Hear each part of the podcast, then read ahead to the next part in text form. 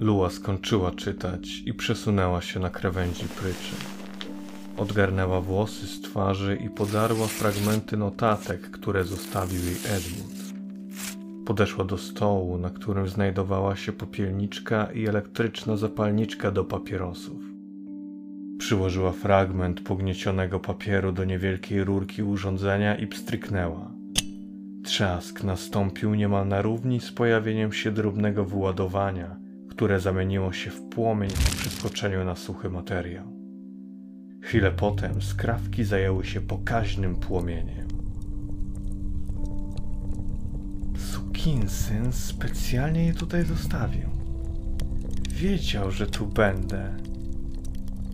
Mógł nie przypuszczać, że dotrę jeszcze tej samej nocy i właściwie tak by się stało, gdybym nie miała na ogonie pierdolonej hydry. Rozejrzała się po pokoju, który wyglądał na zamieszkany.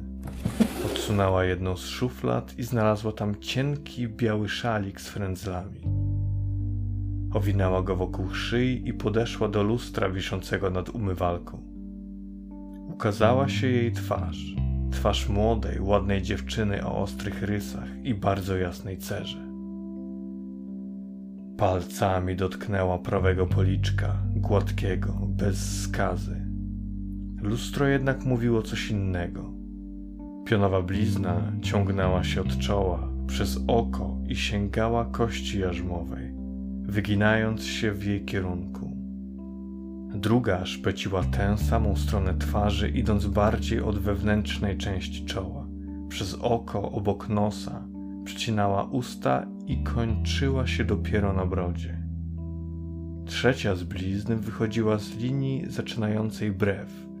Przedzierała się po nasadzie nosa i skręcała, przecinając poprzednie ślady, by zniknąć dopiero przy linii szczęk. Lewa strona twarzy była nienaruszona. Wyglądała tak samo w odbiciu, jak i bez niego. Dotykała tych oszpeconych miejsc. Były odrobinę bardziej wrażliwe. Jednak pod palcami nigdy nie wyczuła niedoskonałości. Jedynie odbicie je zdradzały. Jak wyglądam? Zapytała, skupiając uwagę na nowym nabytku zdobiącym szyję. W lustrzanym odzwierciedleniu pojawił się brązowy dym. Prędko przeistoczyła się z niego dwumetrowa, przygarbiona postać o brązowo-szarej skórze, pod którą rysowały się potężne mięśnie. Istota o humanoidalnej sylwetce była całkowicie łysa. Miała nienaturalne, głęboko osadzone oczy i wielkie szczęki zamiast ust i nosa. Cała postać wyglądała niewyraźnie i trzymała się za plecami kobiety. Spojrzenie oczu, w których tliła się inteligencja, wystarczyło dziewczynie, aby ta się zalotnie uśmiechnęła, po czym wybuchła śmiechem, łapiąc się za niemal blady, odsłonięty przez przykrótką bluzkę brzuch. Zabieram to ze sobą, stwierdziła.